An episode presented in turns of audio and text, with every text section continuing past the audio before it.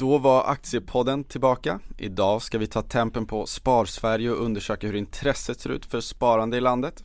Finns det någon tillväxt bland yngre sparare eller är aktiemarknaden enbart till för äldre rävar som Kristoffer? Nej, du är inte så gammal. Jag är inte så gammal. Nej. Men i vilken ände ska man börja sin aktieresa? Bra fråga. Det och mycket mer ska vi ta reda på med hjälp av Unga Aktiesparares stjärna tillika VD Tove Sander.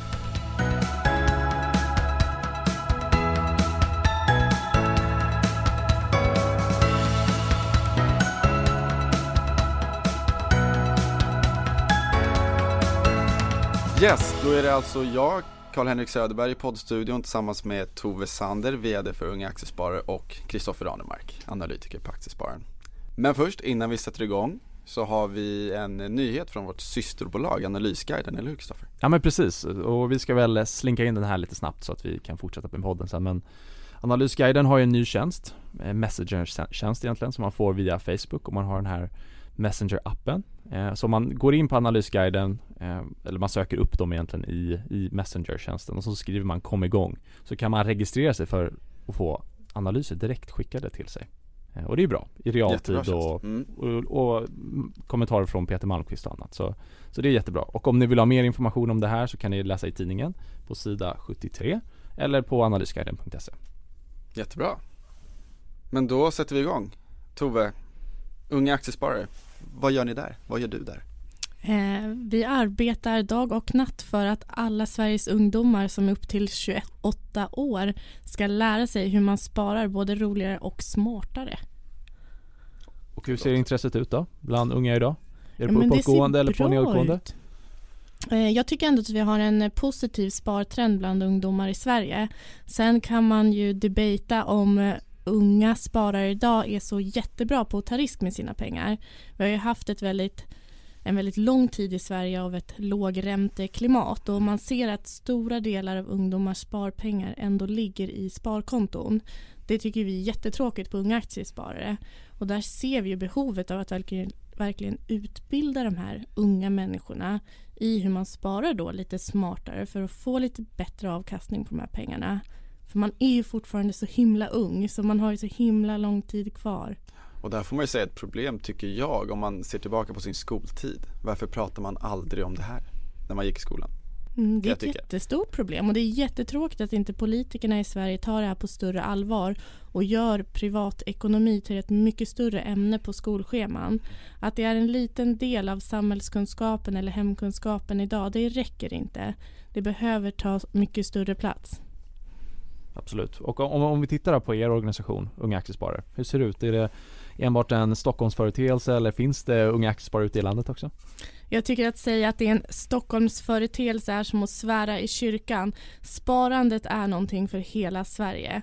Och eh, jag ser ingen skillnad på en lokalavdelning uppe i Kiruna eller en lokalavdelning i södra Stockholm. Engagemanget är lika stort överallt. Det är en gräsrotsrörelse egentligen med engagerade individer över hela landet då. Verkligen. Mm. Hur gör man då för att engagera sig i Unga Aktiesparare? Eh, det man gör är att söka upp sin närmsta lokalavdelning. Vi finns på 43 ställen idag runt mm. om i hela Sverige. Vet man inte riktigt vilken lokalavdelning som ligger närmast en så kan man bara höra av sig till oss på Unga Aktiesparare så guidar vi rätt. Du har jobbat lite på, eller när var det du började egentligen på Unga Aktiesparare? Ja men jag kollade ju faktiskt upp det här. Det är eh, två år och eh, fyra månader sedan. Mm. Men jag har varit VD i ungefär ett år och tre månader. Är det kul? Det är superkul. Okej, om, om vi, vi tar en sista fråga här då hur gör vi för att få fler kvinnor att intressera sig, eller unga kvinnor framförallt, för sparande och börsen? För det känns också som att det är lite grabbkultur där eh, fortfarande. Mm. Det här med att engagera fler tjejer i aktiesparandet har ju blivit min hjärtefråga. Och sen jag började jobba här på Unga Aktiesparare så har vi ökat procentuellt sett med 5,7 procent tjejer jämfört då med när jag började. Så ökningen senaste tiden har varit väldigt hög och vi ser att vi ökar andelen kvinnor för varje månad som går. Problemet har nog varit att aktiekulturen generellt har varit väldigt exkluderande och också haft en stämpel eh, på sig att vara lite klubben för inbördes beundran där man har använt finanslingo, mycket svåra termer, mycket mm, Excel-ark och grafer och inte riktigt pratat om aktier på ett sätt så att man faktiskt förstår vad det är. Där tror jag tjejer har exkluderats för vi kan se att tjejer behöver mycket mer ekonomiskt självförtroende för att faktiskt våga investera sina pengar. Så där har man tappat tjejerna. Så nu måste vi alla, och det gäller även er killar och eh, män som lyssnar på den här podden, se till att vi stärker alla kvinnor och tjejers ekonomiska självförtroende. För man ska inte behöva gå miste om avkastningen bara för att man är född i ett speciellt kön. Och det där är någonting som vi även kämpar med varje gång vi ska skriva en artikel att man på något sätt ska försöka få det att vara lättbegripligt även om det är kanske komplicerad materia det man skriver om. Så det är en utmaning hela tiden, absolut, och det är jätteviktigt.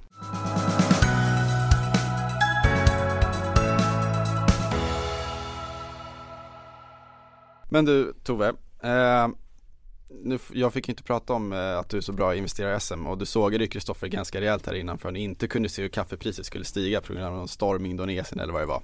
Du är vass på det här, det vet vi. Men hur började din sparresa från början? Från början, från början så började det med att eh, min mamma har alltid pratat mycket om att man ska vara sparsam och vill man köpa någonting ska man spara till det. Tyvärr är inte min mamma så high på aktier och fonder så att Sparintresset kom med från mamma men hur man skulle spara sina pengar var någonting jag lärde mig först när jag kom i kontakt med Unga Aktiesparare. Eh, tyvärr så, som alla säger, så gjorde jag det lite för sent men ja, jag var ungefär 25 år när jag kom i kontakt med Unga Aktiesparare första gången. Och det var då jag faktiskt vågade börja ställa alla de här frågorna. Fick min första aktiekompis att bolla med. Hade någon som höll mig i handen när jag öppnade mitt första investeringssparkonto. Så det är tack vare Unga Aktiesparare som jag faktiskt har börjat fått avkastning på de här sparpengarna. Mm. Om vi håller oss där i det förflutna då. Vad var det svårast att få grepp om när du började? Kommer du ihåg det eller? Vad du tänkte ja, på var svårt? Det var alla mina de här fördomarna jag hade. Att man behövde nog väldigt mycket pengar för att hålla på med aktier. För att hålla på med aktier man var väldigt, behövde man vara väldigt duktig på matte.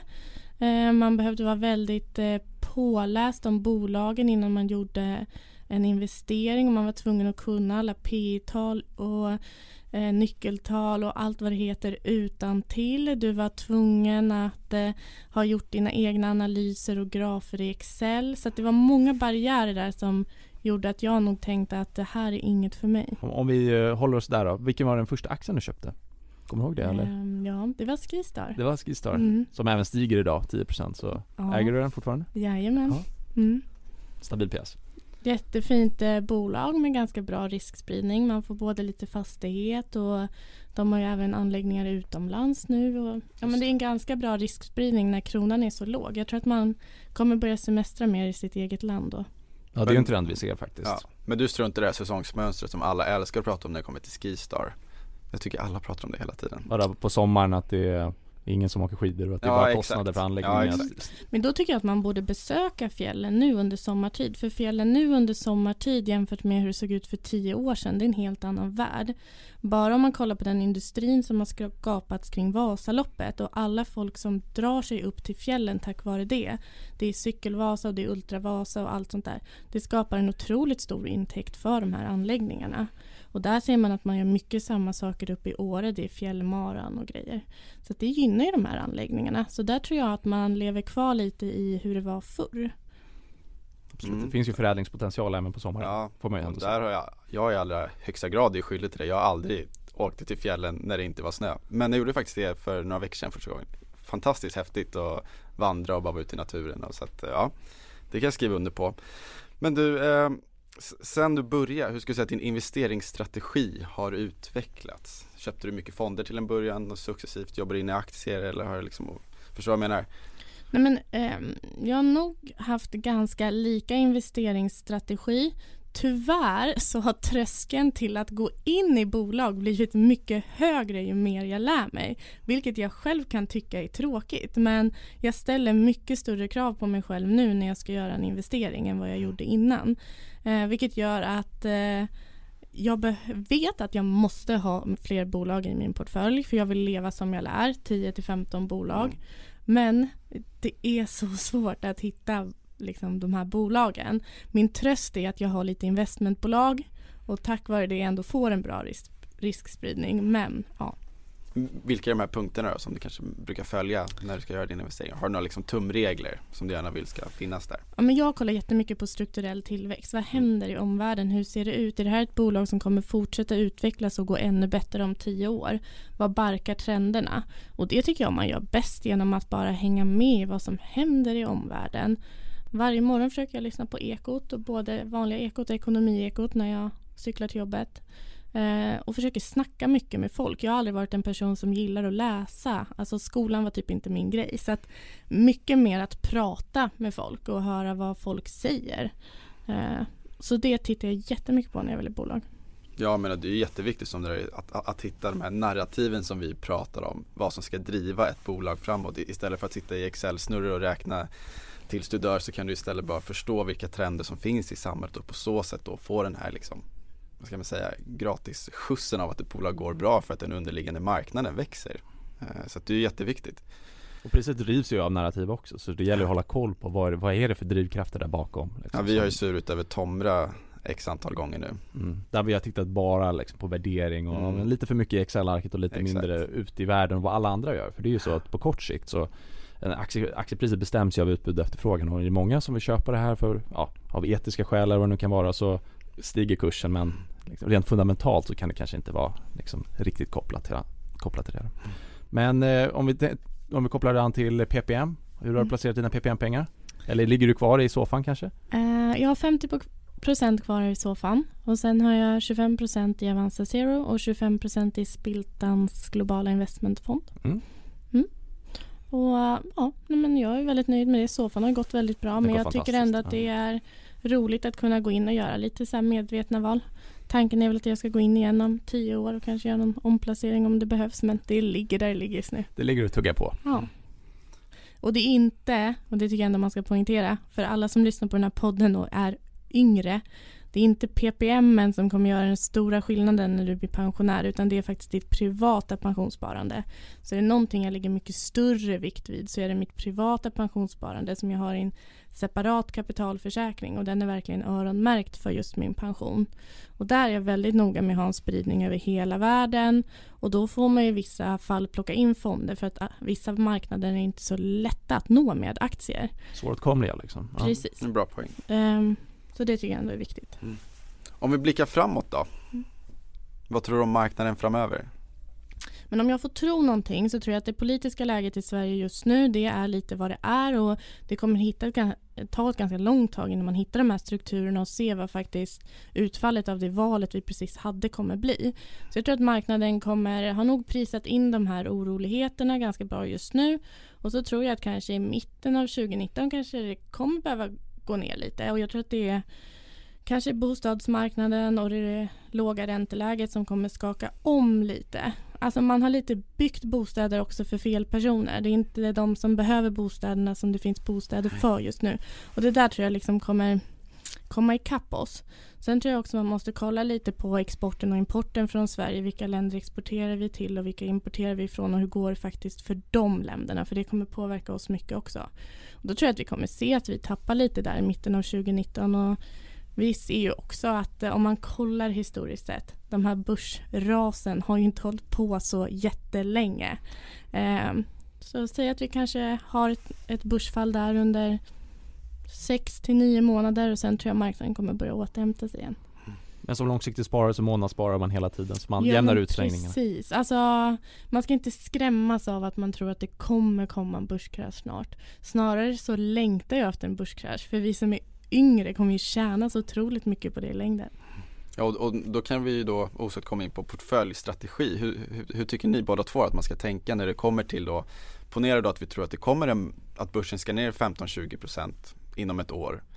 Hur tycker ni då att portföljkonstruktionen ska se ut? Hur mycket ska man ha i kassa? Vad ska man ha för bolag? Jag tänkte vi kunde kanske komma överens om tio bolag som vi alla tycker känns tryggt och bra att ha i en portfölj som kanske kan stå emot en, en björnmarknad. Om vi börjar med dig Kristoffer. Oj, ja det, jag vet inte riktigt vilken ände jag ska börja där men eh, om, om vi tänker så här rent logiskt USA, den viktigaste marknaden i världen Väldigt långt gången i cykeln Vad betyder det? Jo, det betyder att man är lite känslig för stötar Det har vi varit inne på tidigare Det är ett återkommande tema självklart Man börjar ju höja räntan nu också så det börjar ticka upp man, Förut talade man om att det inte fanns några alternativ men nu kan du ändå få hygglig kupong i alla fall på tre månaders liksom, statsskuldsväxlar, eh, liksom 2% någonting. Så, så ja, det väger emot. Men, eh, ja, men jag tycker ändå man ska ha kanske runt 10% kassa och ändå titta, hur ser, hur ser portföljen ut? Är jag ändamålsenligt diversifierad? Har jag bara svenska bolag? Hur ser de här bolagen ut? Alltså har de bara sin verksamhet i Sverige eller är det internationellt? Och kanske titta lite på riskspridning. Kina, väldigt billig marknad just nu. Kanske ha lite Kina-fonder om man vill ha det här långsiktiga perspektivet.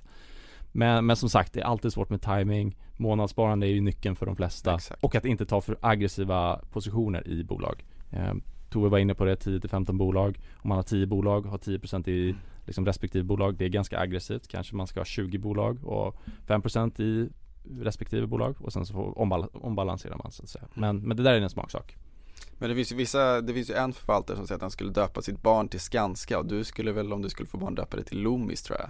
Ja, Så mycket älskar du det bolaget. Tycker att den, den utgår från när du har med en sån portfölj? Ja, vi pratade lite om strukturella trender här och Mm. där har man ju en strukturell, på lång sikt, en strukturell motvind med kontantanvändandet och friktionen i att använda kontanten jämfört med liksom digitala betalningslösningar. Men i alla fall på, om vi kan kalla det medellång sikt, någon form av 3 till 5 år så är det fortfarande, pilarna pekar ju uppåt där. Mm. Och plus att man rör sig uppåt i värdekedjan. Så Loomis är ju ett stabilt bolag som man kan ha på den, eh, med den horisonten. Men Mm. om vi snackar 15 år så, ja då, då är jag lite mer Lite mer skakig. Kanske Mm. inte skulle döpa mina barn, barnbarn till Loomis faktiskt. Tove då? Mm. Hur skulle din, eller hur ser din portfölj ut idag? Eh, med ungefär 50% i portföljen, 50% likvider och Mm. ja, det är ungefär den strukturen jag försöker hålla. Så du är Eh, redo med andra ord? Ja men jag känner mig väldigt redo. Mm. Eh, jag har ju då min, eh, mitt investeringssparkonto där jag har aktierna. Det är på 10 års sikt eller 10 till 15 års sikt. Sen har jag mitt pensionssparande framförallt i fonder. Sen har jag ju då mitt sparande på ett konto som bara är likvider som inte ger någon avkastning alls. Jag är ganska trygg i den fördelningen. Det jag försöker titta på är ju som sagt i pensionssparandet att ha en bra spridning över hela världen. Där är ju du väldigt kär i just Asien, Kristoffer. Ja, jag, gillar, jag gillar Japan Mm. och Asien. Men jag tror ju lite på Afrika så har köpt eh, en specifik fond som just prickat in den marknaden. Eh, då snackar vi pension och jag kanske kommer gå i pension när jag är 70 år. Nu är jag 29 så då får ni tänka den tidshorisonten vad jag tror om Afrika. Eh, sen om man kollar på liksom aktieportföljen så tror jag att eh, bolag som har stått emot kriser tidigare kommer stå bang i kommande kriser också. Eh, De vet hur man ska hantera det. Det finns erfarenhet inom bolagen. Det man ska kolla på är också att organisationerna bakom inte är för tungrodda för att göra en omställning i en lågkonjunktur måste gå relativt snabbt så att bolaget inte tappar för mycket pengar. Eh, Det tycker jag är viktigt att kolla på. Ja, då får man kolla på bolagens fasta och eh, rörliga kostnader där också. För det, det hintar ju på något, på något sätt om hur snabbfotade de är. Men du pratade ju om det här med tidshorisont. Jag tänkte kunna avsluta med det. Vad säger ni om någon som precis ska börja spara och säger ah, men, eh, jag, jag ska köpa lägenhet om två år så jag skulle verkligen behöva tjäna massa pengar. Kan ni hjälpa mig? Vad ska jag köpa för aktier? Vad Ja. säger ni då? Jag hade sagt köp absolut ingen aktie. Nej. Köp någon räntefond. Som är, har ingen avgift alls liksom.